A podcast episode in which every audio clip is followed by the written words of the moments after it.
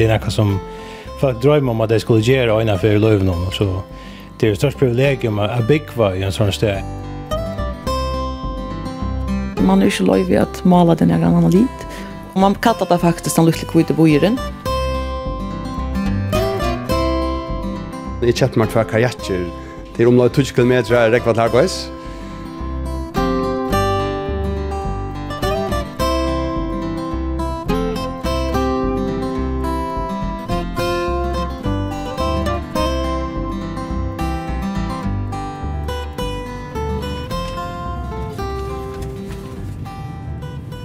Gåan det, og godt nødjar, og takk for til farna. Hette er jo en halvt særlig tøy som just er færen, jólene, og at vi brukar som ekv ljós at løysa opp i esse myrskast og tøy av arnon. Og så sjálvan det òsne til at vi kommer inn i et nytt år. Er stator i høvestaden, men og hesson turen fer i òsne at køyra norr etter. Fyrir okkom føringar er det nekka særligt at halda jól og kanska nutju er vi heima i fyrjon. Og i det færa vi at hitta nekrar utesetar som hefa veri heima om høgtøyina. Teipikva og i Imson herasopnon.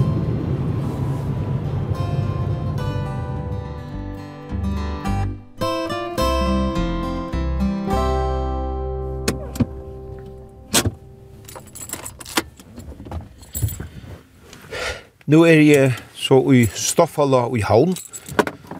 Og her i Stoffala nummer 18 halvtid er Elspa Ellis. Hon er ur Havn og har bo i USA i 45 år. Da ser vi henne i telefon. Arbeid og lår der, ta inn i hjemme.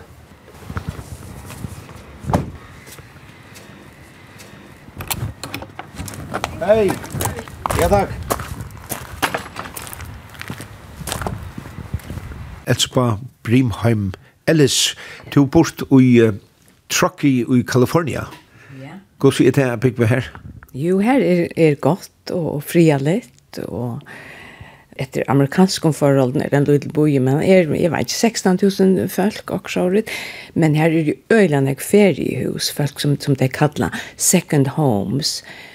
Det er millionærene fra Silicon Valley som har sommerhus eller feriehus, og her tog bæge om vetren om sommar i nekva aktiviteter, om vetren sjåan det er nekva kæve, og folk koma standa ski, og om sommar er det den store kjekkeren Lake Tahoe, som er øyla kjenter, ikke bare i USA, men er i eisne. Og her er altså, nekva aktiviteter om sommaren, en stor uh, at det er innsjekker som, som de kallar The Jewel of the Sierra Nevadas, Han er 501 meter djuper og øyla klost vatten. Altså, du ser lengt nyer. Jo, her er godt å være. Ja, men, men det blir så øyla dorst. Det synes de årene. like millionærer. Etla milliardærer.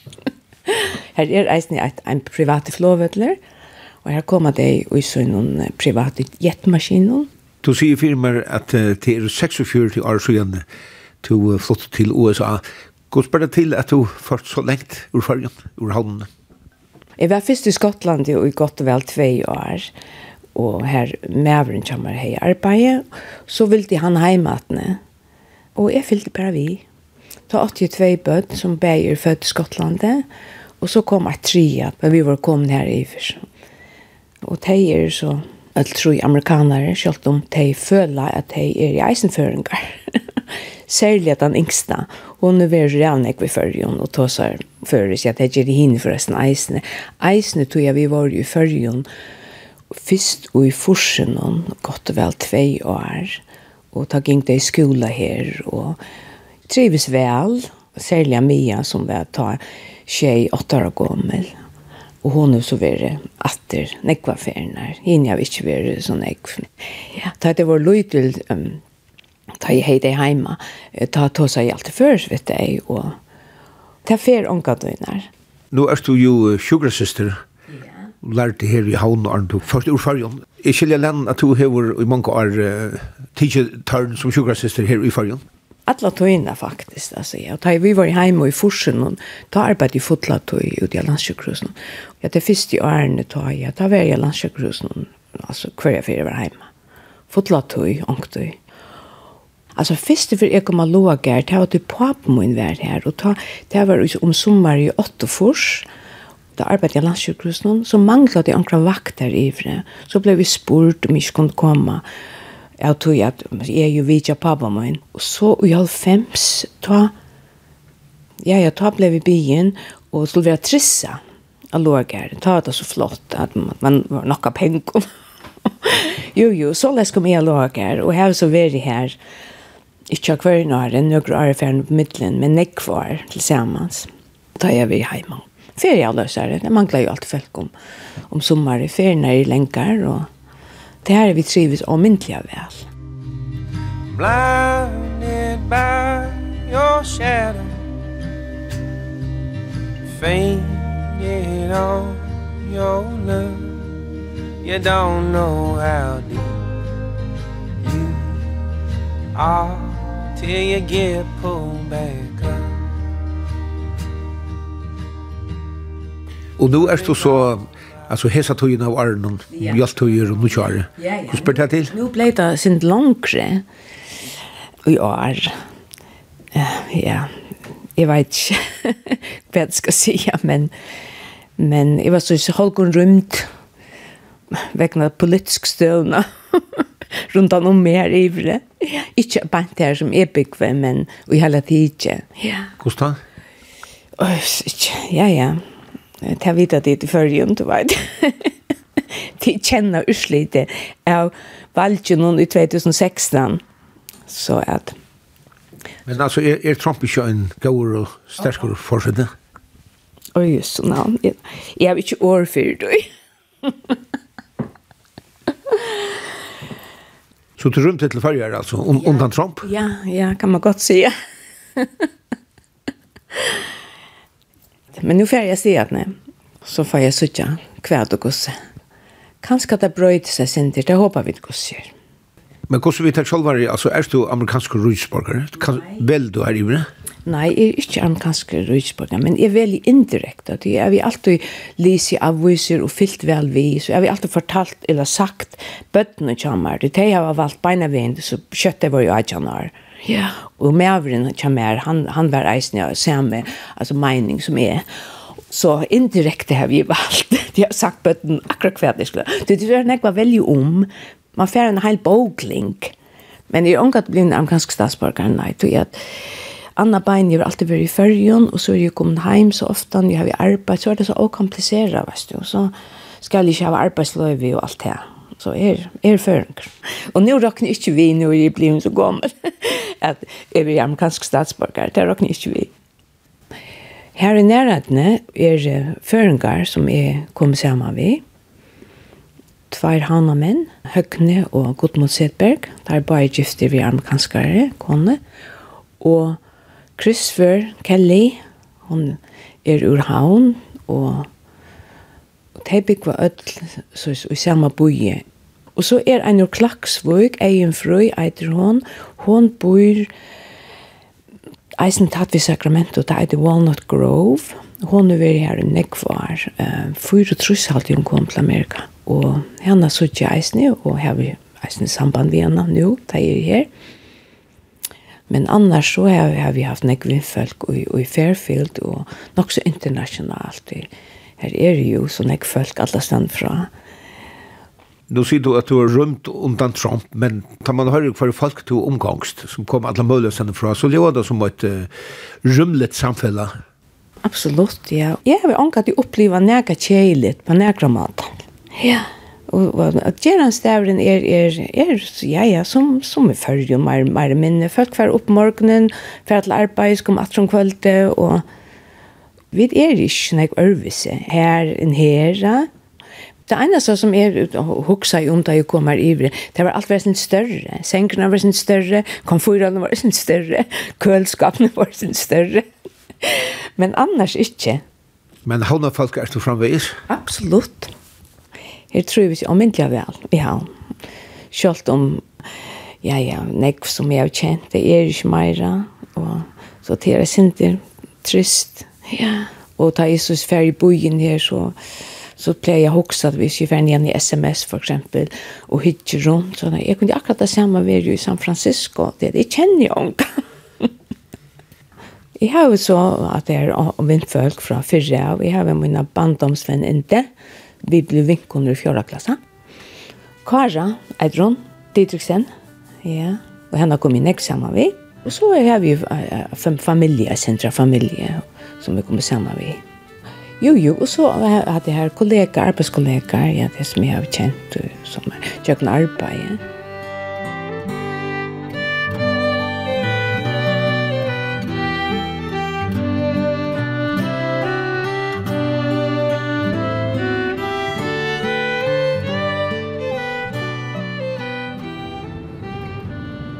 Nu er vi kommet nekra der inn i januar måned, og jeg kommer til Høsvøygar, og her har vi avtalt vi en uteseta.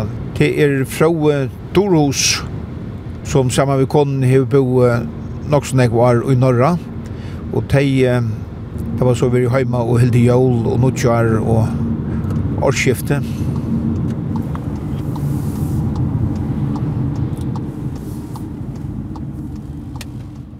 fra Dorhus. Nå har du så heldig jól og nuttjoar i fargen og først at til Norriks. Du har bo i Norra så igjen og kjent 92. Hva spør det til?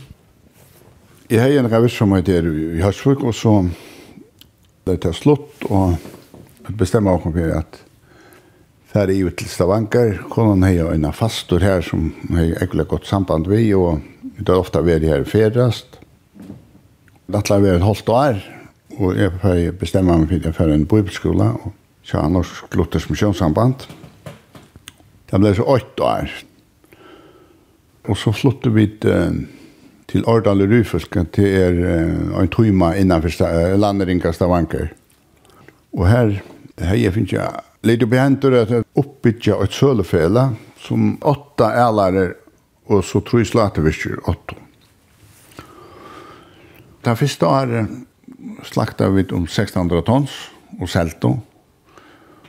Ja, det økte så da jeg gav, da var vi oppi og i ja, her i Øtjum, det er det jeg så slakta det så om løy 140 tons om dagen, oppa 200 tons.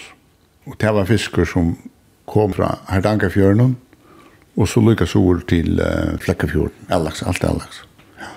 Jeg begynner ved sølapparaten, og så fabrikksjefer, som de kallet det.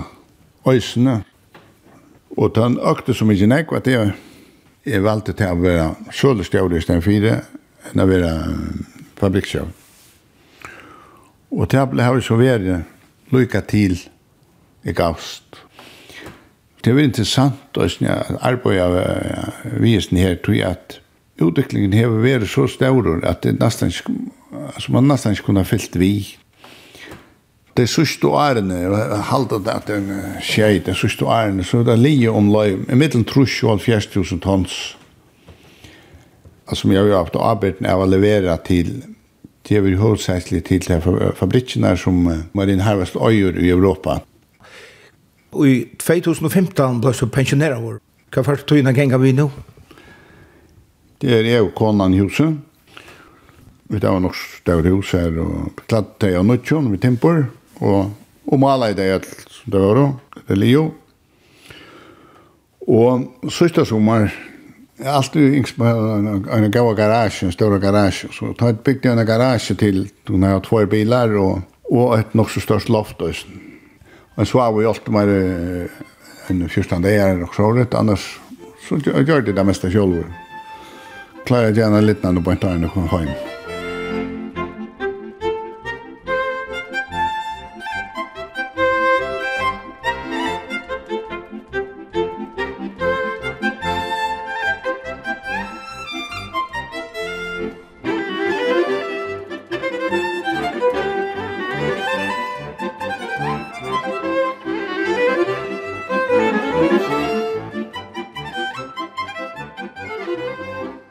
Så selv om du er til pensjonister nå, så tjejer du det ikke? Nei, det kan ikke gjøre. Vi har en båt båtøysene som ligger i båthavnen her i bygdene, og så kan alt være flåta i veil. Gjør den som holdt litt av selv, og fikk han 2000, og, og sette en sjekk i 2004. Det var en stor glede som jeg har haft, altså. Det, jeg visste meg, det er meg mest å heve båt. Jeg begynte ved det første, tog ikke man affæren da jeg var 13 år gammel. Hvis nere er tredje føtter, og her kan plass til fyra snällon. Og så har vi lett spel, og, og enda kjølstyrer røysen.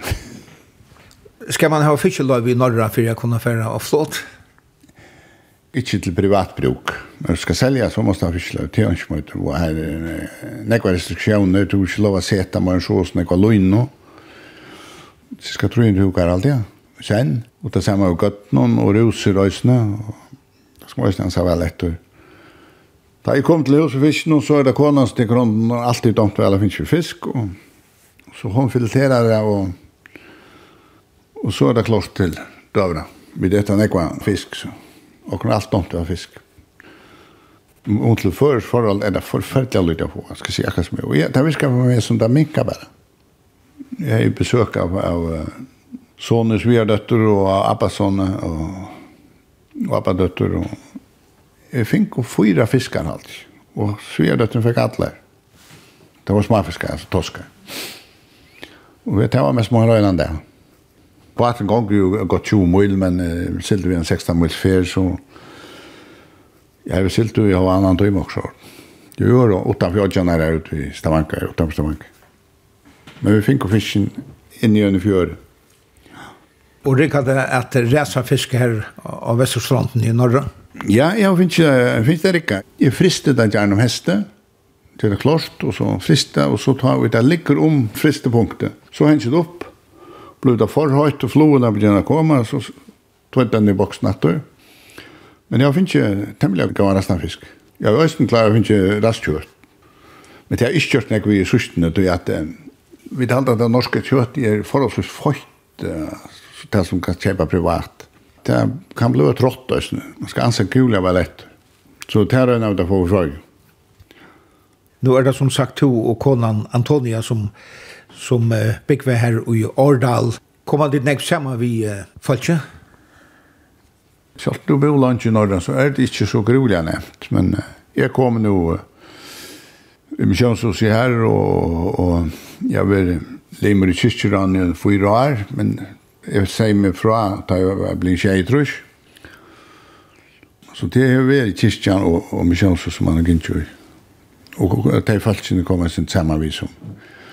Så er vi vi er en mansforøyning og i, som også er her i forrige for en, en år sjøene.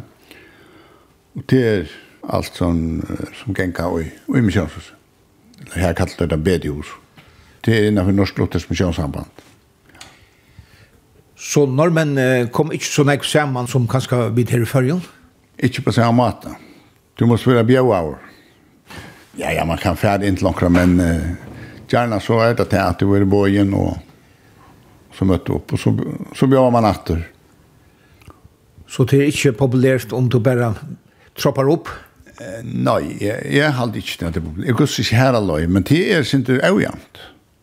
Langer nord er det møyre Jeg røyste rundt og røyde selv til undervannskamera som datteren gikk på min åtte og kjørte først i 15 år. Og her nå var man betydelig bedre med utidgen enn jeg tror.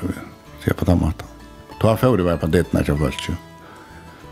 Som visste var det allerede.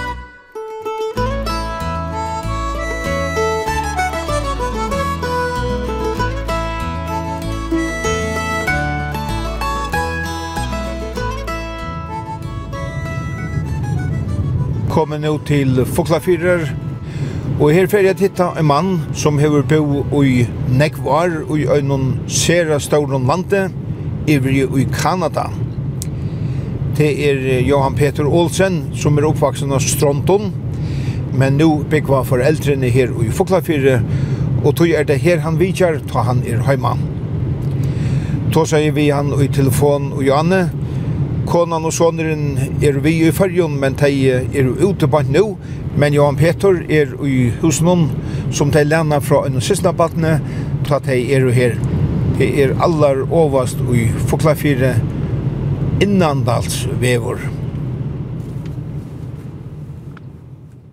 Johan Peter Olsen, du har bo i Vancouver i Kanada i 20 år. Hvordan spør det til at det er blevet Vancouver Det er nok så enfall i byen. Jeg ble förälskad i byen kvinner her i Ivre. og det var hon som innflottet meg, kan man godt si. Og jeg er ju bliven. Hon er ikke mer i Eurobrunna ur, ur Indonesien. Men uh, hon flåtte till, till Vancouver uh, några år framan undan. og vi er kanadisk rutschborgare. Jeg har arbeidt uh, i Tyskland i nøkker år innenfor uh, billoter og autolakk og sånt. Og jeg kjente jo akkurat fra Tyskland som innflottet det som jeg sålde i Tyskland og han ansette meg så her i så det var det der begynte jeg ikke mer det første han. Og her er det godt at uh, bolagast.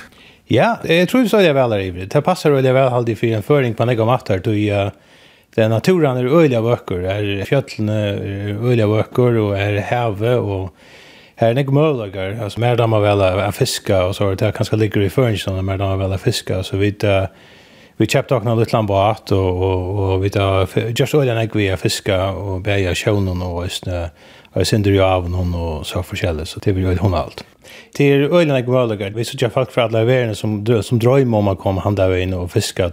Här är stora laxar att få, här er kalvi och och, och och annat som folk vill häva så till här kommer ölen jag tyskar och holländare och folk från för alla världen som har hållt till det som man kallar vi kallar det bucket list alltså det är något som för att drömma om att det skulle göra innan för löven så det kommer här så det är ett stort privilegium att byggva i en sån ställe här som man har tar möjligheter så det är vi väldigt glada för här som vi uh, damer fiskar till så ivrig hållt ivrig av västsyn ivrig i Stilla havnen så vi färdas ivrig av Vancouver Island som ligger utanför Vancouver och ivrig av Västsyne här Og her har vi så fiske utfra, så vi fiskar til vi som vi uh, gjør her. Og det er, det begynner i juni junimåned, og det kører ut i, i, i september septembermåned. Til hundalet.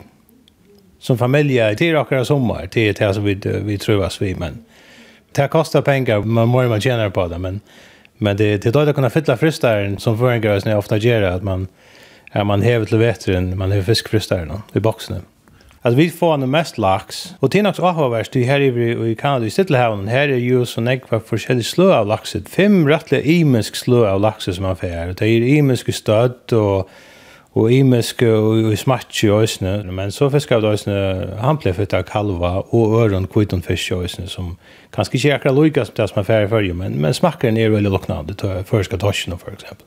Så til er tøyner natur og opplevingar? Ja, til min frustaver, Det er man sier. Det er noe som er man kommer vekk fra, man säger ödlon stress och man glömmer allt om det som ganska stressar och in arbete och anna och till något som man känner att här här är man när skapar någon när är sen man känner verkligen att att det kommer fyra i rön och, och man nöjda bara. Så tog ju en fyra utan när man lägger mest till det kan man gå se. Kvätt text och annars vi inne i Vancouver jeg finnes vi søl og det meste av løvnene, så det er det samme ikke mer. Jeg finnes vi søl og jeg selger utgjør som vi har brukt til å endevende papp og plastikk og så forskjellig til, til papppresser som uh, et produkt som er gjørst i Danmark og som i samarbeid vi så vi til kontorer som danskerne har i, i USA og kjøper fra Tøyman og selger her i lokalt i Vestkanada. Look at me and be honest I want to believe it all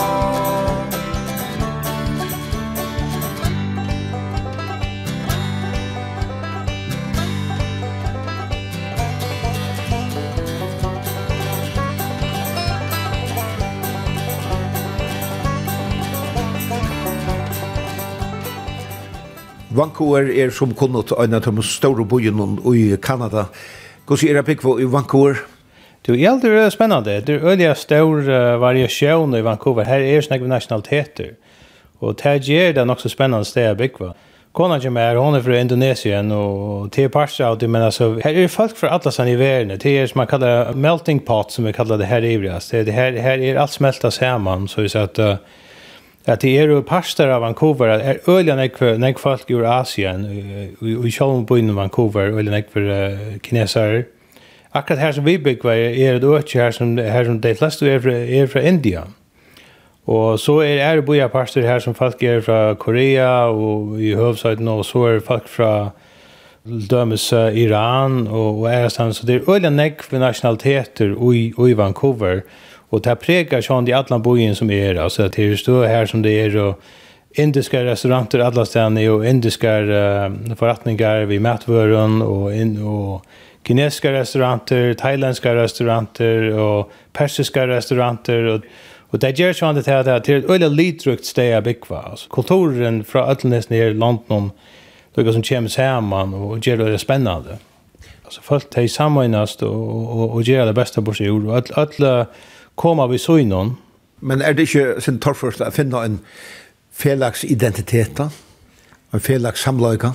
Jo, det er vel noe som sies. Man hever kanskje ikke at det her uh, patriotismene som vi føringer hever. Det er kanskje man ikke hever. Det er ikke samme måte. Altså, det er her vi at uh, vi, vi flatje og male og, og alt det her som føringer vi, uh, vi uh, som samlas om. Eh, man kanskje ikke samme måte man man flackar ju lucka nek vid det kanadiska flashen kanske. Det är ganska kött som ordentligt också såna om till men och det kanske är ju bara gott men i allt jag lucka väl till att uh, att folk samordnas. Det hade ju väldigt gott som hållt. Ja, Peter, selv om du er veldig erfattelig til i Kanada og er du kanadisk rujtsborgare så kjenner du det framme som føring? Ja, det gjør man helt sikkert. Så jeg, jeg har større glede ja. verden er blevet så løytelig nå, så jag lustig efter efter förska radion efter kring vart någon och och det är ofta man ser det i vik och så det nu kan man ju ju höra och söka allt om vis internet ju det ger ju det att det är snägt lättare nu än det var för att att hålla samband vid landet man kan föra in och ha middagar och läsa kvart i natt och och är kan ta sig vi föräldrarna i familjerna eh för jag om om vi Skype och annat så det det blir snägt närmare så det är tacksam för Vi vi tør jag tror det är vi flyr turer och och nyligen som vi säger där i antan jag har ju välja kopa vet där rösen så det är till hålet det är verkligen hålet att kunna att kunna höra uh, gott för radio och så jag gott för sjönvarp uh, så långt veck. Kanada är ju näst största land och jag i hemnon och och i tog provinsen som vi bygg i vi bygger helt i västsyn i British Columbia. Uh, Uh, bara att han provinsen är ju större i Siador än uh, Frankrike och, och, och Tyskland sam, sammanlagt så uh, vitterna är stora. Här är det bara 5 miljoner folk och i tog stora öknen här och, och det är bara 35 miljoner och i, och i ett land någon i Kanada så så det är näck plats till till kvann nybyggvan och näck verkar så tjäna näck vad gör.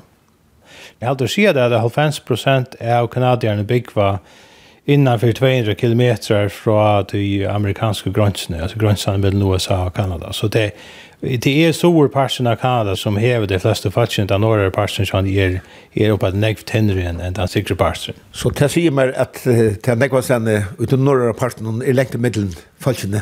Ja, det är pura väst. Det är, här är negv som byggva, som man säger, vi tojmar från, från, från abyggvannen. Men det, det är väldigt flott stå affärer till uh, til å ferast og njóta naturen.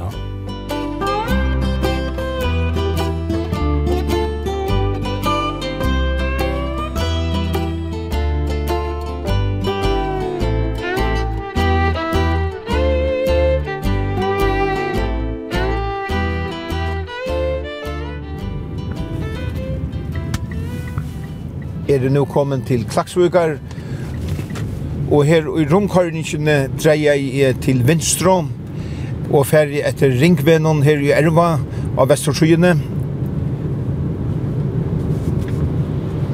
Og kommer til Bøylingen under Fosson. Og i øynene husen her er en føresk familie som bor i Oslo.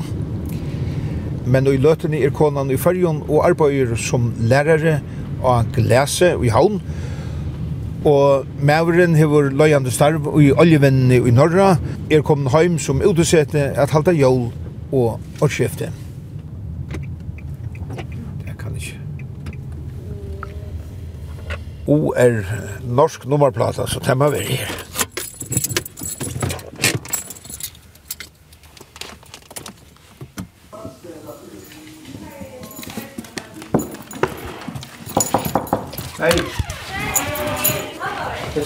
så illa att det her. Hei, hei. Ja ja ja. Ja. Jeg kan være der. Velkommen. Takk for det. Ja, jag syns kjøre gamer av vita nu. Åh, her som er. God dag, god dag. God dag. Thomas Paule. Hei, hei, tar du? Kom inn, kom inn. Ja, ja, ja. Thomas Paule Murren, du är kommen hem att hålla jul och nu kvar. Kvärt text vi i Oslo. Jo, det er pura satt. Vi bygger i Oslo. Her uh, jeg arbeider i uh, oljevinne. Jeg arbeider for et uh, norsk fela som heter DNO. Her er uh, jeg arbeider som commercial manager. Hva er det der? Commercial manager, det er et uttrykk som fevner rettelig uh, vuja. Jeg hittir etter uh, felton og felon som vi kunne kjøpe okken oppå i. Det fela som jeg arbeider for DNO, akkurat høvesvirksomhet er i uh, Norge, Irak og et øyne som heter Kurdistan. Så til at økjær er vidt hitja nær etter og, og hvordan vi kunne menne akkurat virksomme i tog øyne. Og som du sagt av barn, så ligger det en tjukk bøk om, om til landet Kurdistan, så jeg rønner at leser meg opp om til øyne. Det er bare trutsk måneder siden jeg begynner i Hesfellan, og her så var det tølvar i Lundin Petroleum, som er Svengsfella. Ta i arbeid for tilfella, ta arbeid jo så for det meste i, av norskene økje, så det er de på å vel. Og det er en å, tilfella har vi jo akkurat samband med førjerøsene, ja? Ja, det er nå har hever jo i fjellmiddelen her, det er sørste tøyene Det er så løsning at det er nå har vi lagt et bå på at det først skal fjellet i ferie petroleum. Så um, vi får sørste hvordan løyker for fram, men uh, aksjonerende i ferie petroleum har tilbøy fra, fra det nå. Så vi får sørste. Vi kom til om det tog seg lunsje om uh, tøyt arbeid, men uh, du har vel østene frytøy i Oslo og i Norra. Hvordan bruker du henne? Det er jo til øyla større mål Vester, Søyene av Norra og, og vi som bygger av S-søyene. Her har du en ekla markant han veter og en ekla markant sommer. Veteren 2016 og 18, han var undan kaltast og langste som menn vid om. Her er Kevin la og i flere måneder. Ta stå en nekva skoi, lengre enn særlig. Så får vi direkte fra tog ekla stabila veteren inn i et sommer som er det tørreste og det høydeste nærkrantøy i Oslo. Så det som normen sier, vi smil, hvis det heter klimabrøydingar, så er det velkomne. Men som sagt, Oslo er øyla vei og godt, så jeg vil nek, nok snakka sjøen, jeg kjøpt meg tver kajakker fyrir år, så jeg og bøttene har vært grå kajakk, ofta. Jeg har også snurret til arbeids tverferne, til omlag 20 km rekva til halv annan tøyma, det var størst opplevelse. Annars sykler jeg, jeg sykler til arbeids daglig, og til røysene vil øyla godt for halsen, jeg har troplegger ritsen og æren, när jag började cykla. Och jag gick kiropraktor och, och fysioterapeut. Och, men hej kroniska pojnen i Riksnå. Og at han har jag började cykla og kom i form så forsvann på innan. Så kjallt nu om vetren så sykle, og så har vi pojkadäck. Ja, og konan Marsta, to hur ösne sjåvande bo i Oslo og i Velavar, men i løtene så er du i följon. Ja, det er så at jeg har undervist en studentskola i Oslo og i nødtjå. Og så i år valgte vi å prøve å ta et år ur kalenderen. Det finnes mer årlov i Norra, og jeg kom til førre, og så nå arbeider jeg glæser i hvert år. Jeg tror det er stort til å kunne få mølegene at jeg kunne prøve å komme til førre. Det var Ivas lunch om vi skulle flytta hem eller hva vi skulle gjøre, så nå prøver vi hva skal vi gjøre på en først, og så får vi vite hva, hva det ender vi.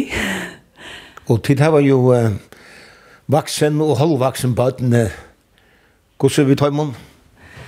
Det her er ikke fint. Han eldste døtteren, hun ganger i 3G og i Norra, så hun er etter i Norra sammen med pappaen hon. Og så er sånneren og den yngste døtteren er vi i førjen. Jeg halte det, jeg halte det ordentlig suttelig kunne få mødagene at være i førjen. Den yngste døtteren, hun gleder seg å komme etter til Norra. ja. Så så är det løtt. Nå har vi börjat et halvt år. Og så tar vi det fire bilste øyne år i her? Ja, det er vi lunch yngst at komme til førje. Jeg får unga jeg ble norma, og selv om jeg har bo lunch i Norra. Man har alltid en trång til å komme hjemme etter og kunne kanskje bruke sine evner i førjen, og kunna vara vid till att bygga följer upp och männa följer där ligger eller lengt inn i hjärtan At, så det gjør veldig større mening å kunne være i följer nå og kunne være vi at undervisa og bygga unga människor upp i färgen till att kunna vara en god resurs i framtiden för färger. Men alltså, vad är det som du vill lägga ut det? Ja, kvart är det? Alltså, jag føler bara som att så får jag gossor brukt det som jag kan till så är det att jag kunde finna till och vad jag så då ordla väl. Så är det att jag kunde bruka det här och göra. Det är nog här det ligger.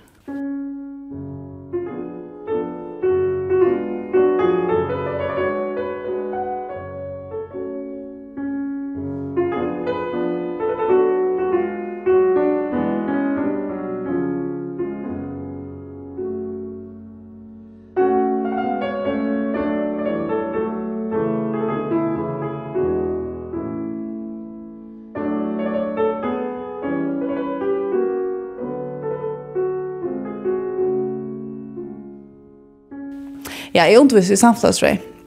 Bare C-stige og A-stige. Og det har de meg ordentlig vel. Sjønt nå skal jeg sette meg nå, jeg er vekk lunsje, men jeg fyllt rymelig vel vi, et noe som hender i fyrjen. Sjølt om det som er i Norge, kanskje det som ligger nærmest akkurat nå, ta i underviser, så du er best å bruke det i dømene, men så skal jeg ligge fader før skal vi etter det. Men jag har fyllt väl vid förrjun. Uh, Lustig, Thomas Pauli, han helt helt jag lustar ganska oj så nej vet utvärst någon och där vi kan därför inte för bo i här. Ehm då med väl lust att ta tur just nu ta i slapp i av.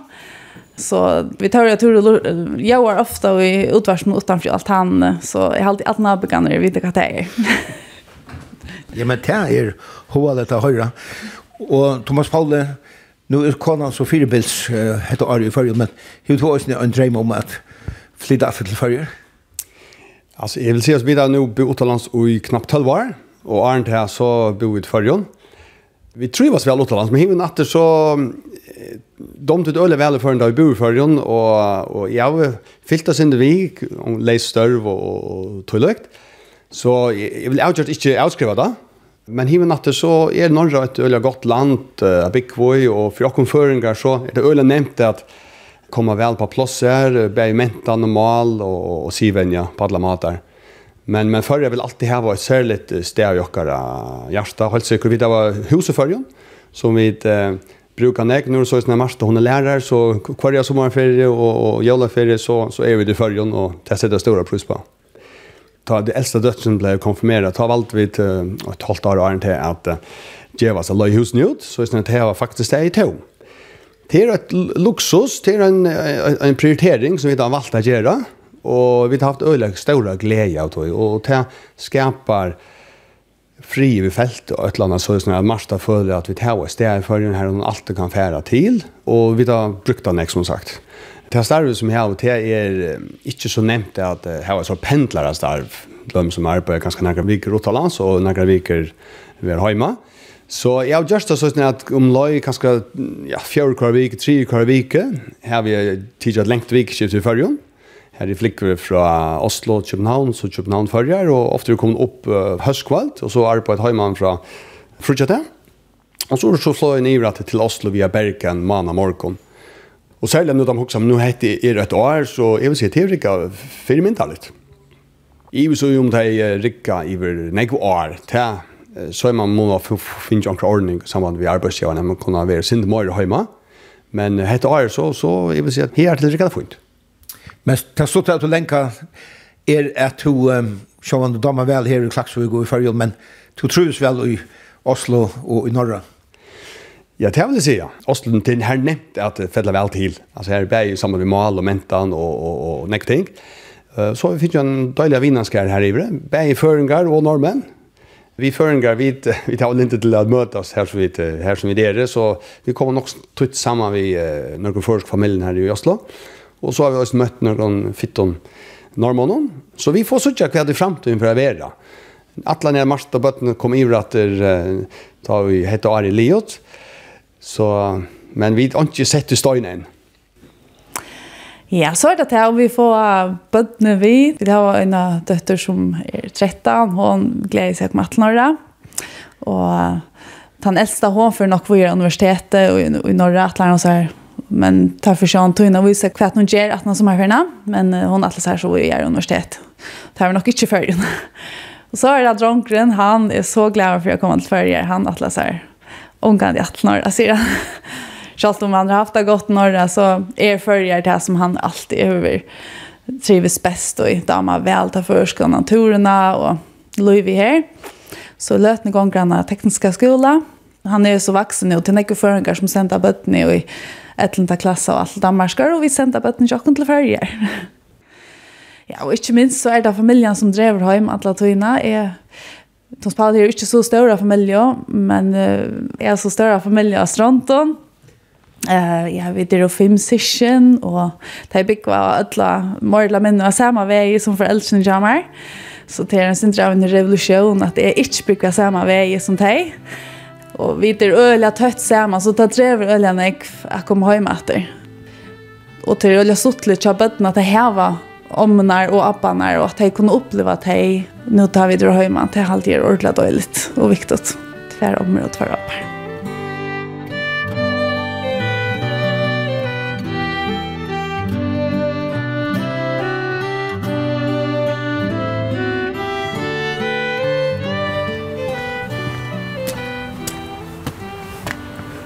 nu er på i Spania i 12 år, og nå er hun her i Badnahøymnen og Hetlandsveien nummer 12 i Havn. Her er hun helt i jól og nå kjør.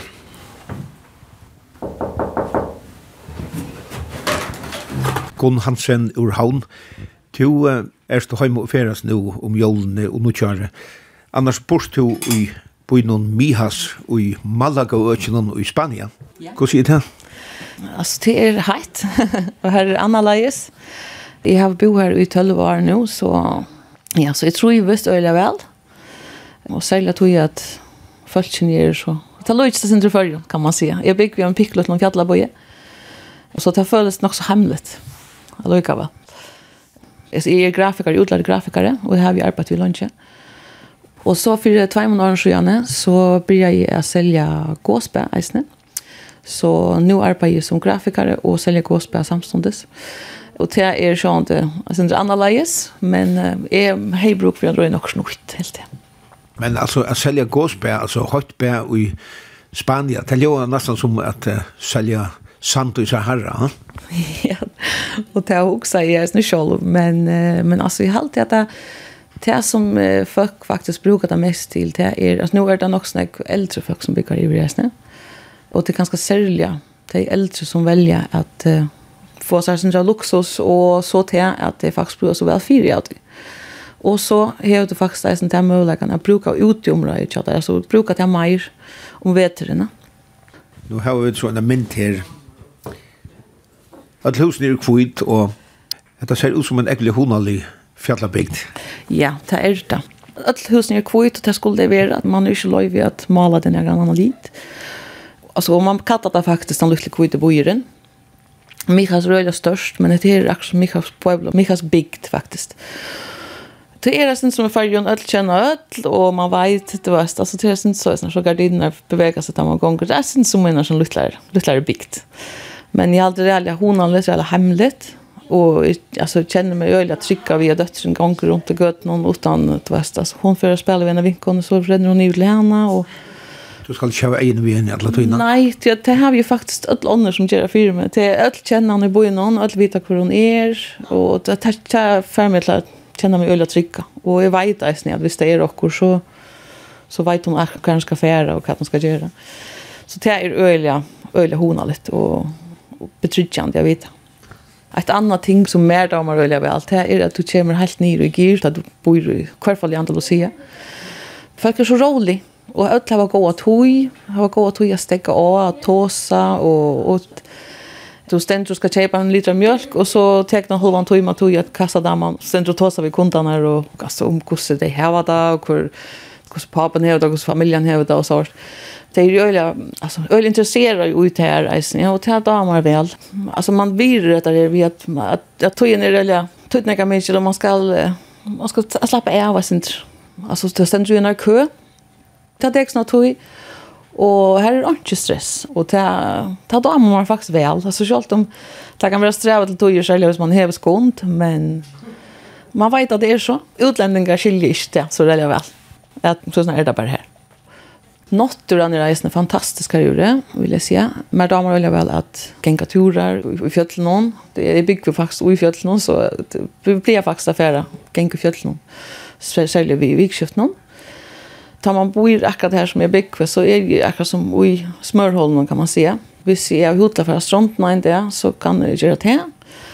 Och samma, samma där kan jeg faktiskt köra till Sierra Nevada. Här kan stanna ski. Så det tar mig cirka en timme till en annan Jeg köra här till. Og det är fantastiskt. Alltså, man, man ser och snutt hva man gjør utan så där. Och näck jord nåttorna här är vittlar geiter, och alltså allt så ser man så det har tatt opp på Enda blev vi överraskande inne på korrande hem kvällte. Och så kom en stor rejäl av vildsvin faktiskt över om vägen. Jag sa att det var vildsvin men jag tror inte på att så jag måtte för att ta sig av ankran upp i bojden om, om det kunde passa det. Jag ser en, en rejäl av vildsvin. Och det var vildsvin. Man blir överraskad och, och fantastiskt alltid. Jag vill ha kommit jag i lärigång cuando me meto en mi cuarto cuando en mi cuarto me meto yo hablo con mi Dios y le digo que a mí me parecía mentira esto que tú habías hecho conmigo Jeg og døtteren bygva uianer i Uipo, eh, som vi har leia. Her er det en stor swimmingpool oppe i nå. Så det är inte analyze eisne, luxus kan man kanske säga, men det är faktiskt nog så vanligt där man häver pool. Vi det tror jag på som delas om den stora poolen och till en stor firma till att ofta så är det en helt komplex som nekvon och på som delas om en pool. Så är det delt. Mätkulturen är eisne, är sindr analyze. Till dömes brukar man nekvta att man köper tapas som er lytle smager ratter, eller lytle porsjoner av imenskån, og det kan man som oftast velja. Man brukar nekst til at man, eh, man kjeiper nekvars, en, en tutsi og tapas, mittlen vindføk, så sitter man og deiler og teker porsje av. Og det er en billig mat at ete på, og, og færa ut, man kommer mer ut, spanjoler eter mer ute enn der eter heima det är øyelig annerledes som er damer øyelig väl att han matan att man ger det lett för folk å komme ut och spanjorer är ju öliga fitter på att han matan alltså och det är billigt å köpa att köpa in och så videre. och så fär man ju eisene. Vøren er sån annerledes. ta ju här familje och, og vi så blir det ofta överraska i hur stora frukterna är det hur stora tomaterna och rejer och läckra där är det alltså blev helt chockerad vid första så såg jag hur stora meloner är det ju allt det tomaterna är lika stora som rundstycken. Så det är några helt särskilt där nu. Jag, jag älskar maten här. Man smakar öliga väl, öliga läcker maten. Nere vid stranden här har det säljer fiskarestauranter som alltid säljer friskan fisk. Och rälla väl tillgjörter och alltså öliga läckert. Och så här var det faktiskt dessa skinkorna som är minne om kärspekjöt maten som hon gör det på. Och där hänger ju alla stannar och folk elskar seg og sikna skinkene. Og kom, nå er du så heima her i havn uh, av jolen og nokjæren og du sier framvis at du kommer heim til du kommer til førre. Ja, det gjør jeg faktisk. Selv om jeg kjenner meg mer heima og i Spanien som det er nå. Når man er veldig 12 år, så, så blir det blå heim. Men jeg halte det noe som føringer gjør. Jeg røyner å komme heim, hese togene, Jeg selv om for å være sammen med familiene, men jeg halte bare at jól er bedre, og i før. Det er underligt å ha fått litt av strandene og jólaften. Det kjennes ikke så rærlig jola litt akkurat. Selv om jeg pynte hjemme, jeg pynte jola pynt og alt sånt, og det er godt når jeg er som pynta jeg.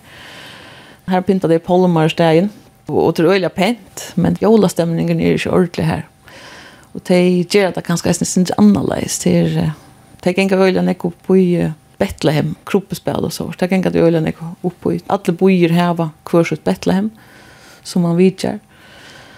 Og så fer man inn her og och og ser alt dette forskjellig. Det bytja det sånne miniaturen, så det er øyne vanligt. Så er det døtteren, jeg har en døtter som er 11 år. Hon heter Mila. Og til navnet kommer faktisk av Milagros, som eh, betyr mirakel av spanskån. Hon började ju skola att hon var troi, som det gör det här i Ivre det var öjligt underligt Jeg skulle sätta lilla treåriga gamle badnekjøsser og skolebussen og lade henne for skola selv. Men det klarar jag nästan. Jag vill alltid ta seg först ved henne. Det är helt var öjligt viktigt att hon lærte det.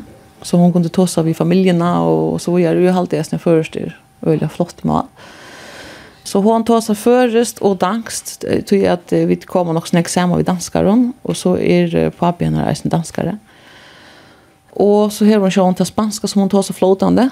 Och så i skolan har hon så franskt og engst isne. Så här är det fem mål i, i lilla 11 gamle gamla. Så, men det är fantastiskt. Hon tåsar öliga väl förrest. Och har gått år förra. Och vi börjar så smått nu att uh, hon ska, alltså hon läser ett lojtsinter. Så vi börjar så, så smått att hon ska lära det här skriftliga och alltså läsa och så gör just nu. Mm. Så det har alltid varit rörligt viktigt att hon lär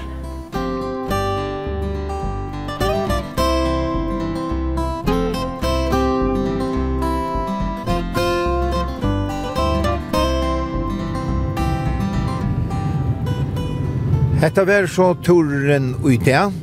Og hun har vært at høyra gosseføringar bolagast imsastene ui heimenon. Sendingen er atur at høyra i utvarpnum torsdag klokkan 11 og leierdag klokkan 4. Og det ber òsne til at lusta etter henne av heimasugene i kringvarpnum skriva kvf.fo framskak tt. Og så kan du òsne høyra som podcast etla av iTunes og vi tauri og tauri hefur òsne egna suju á Facebook. Her ber mittelanna til at sutja mynter i samband vi turanar. Vi tar oss atur om øyna viko. Takk fyrir i dag.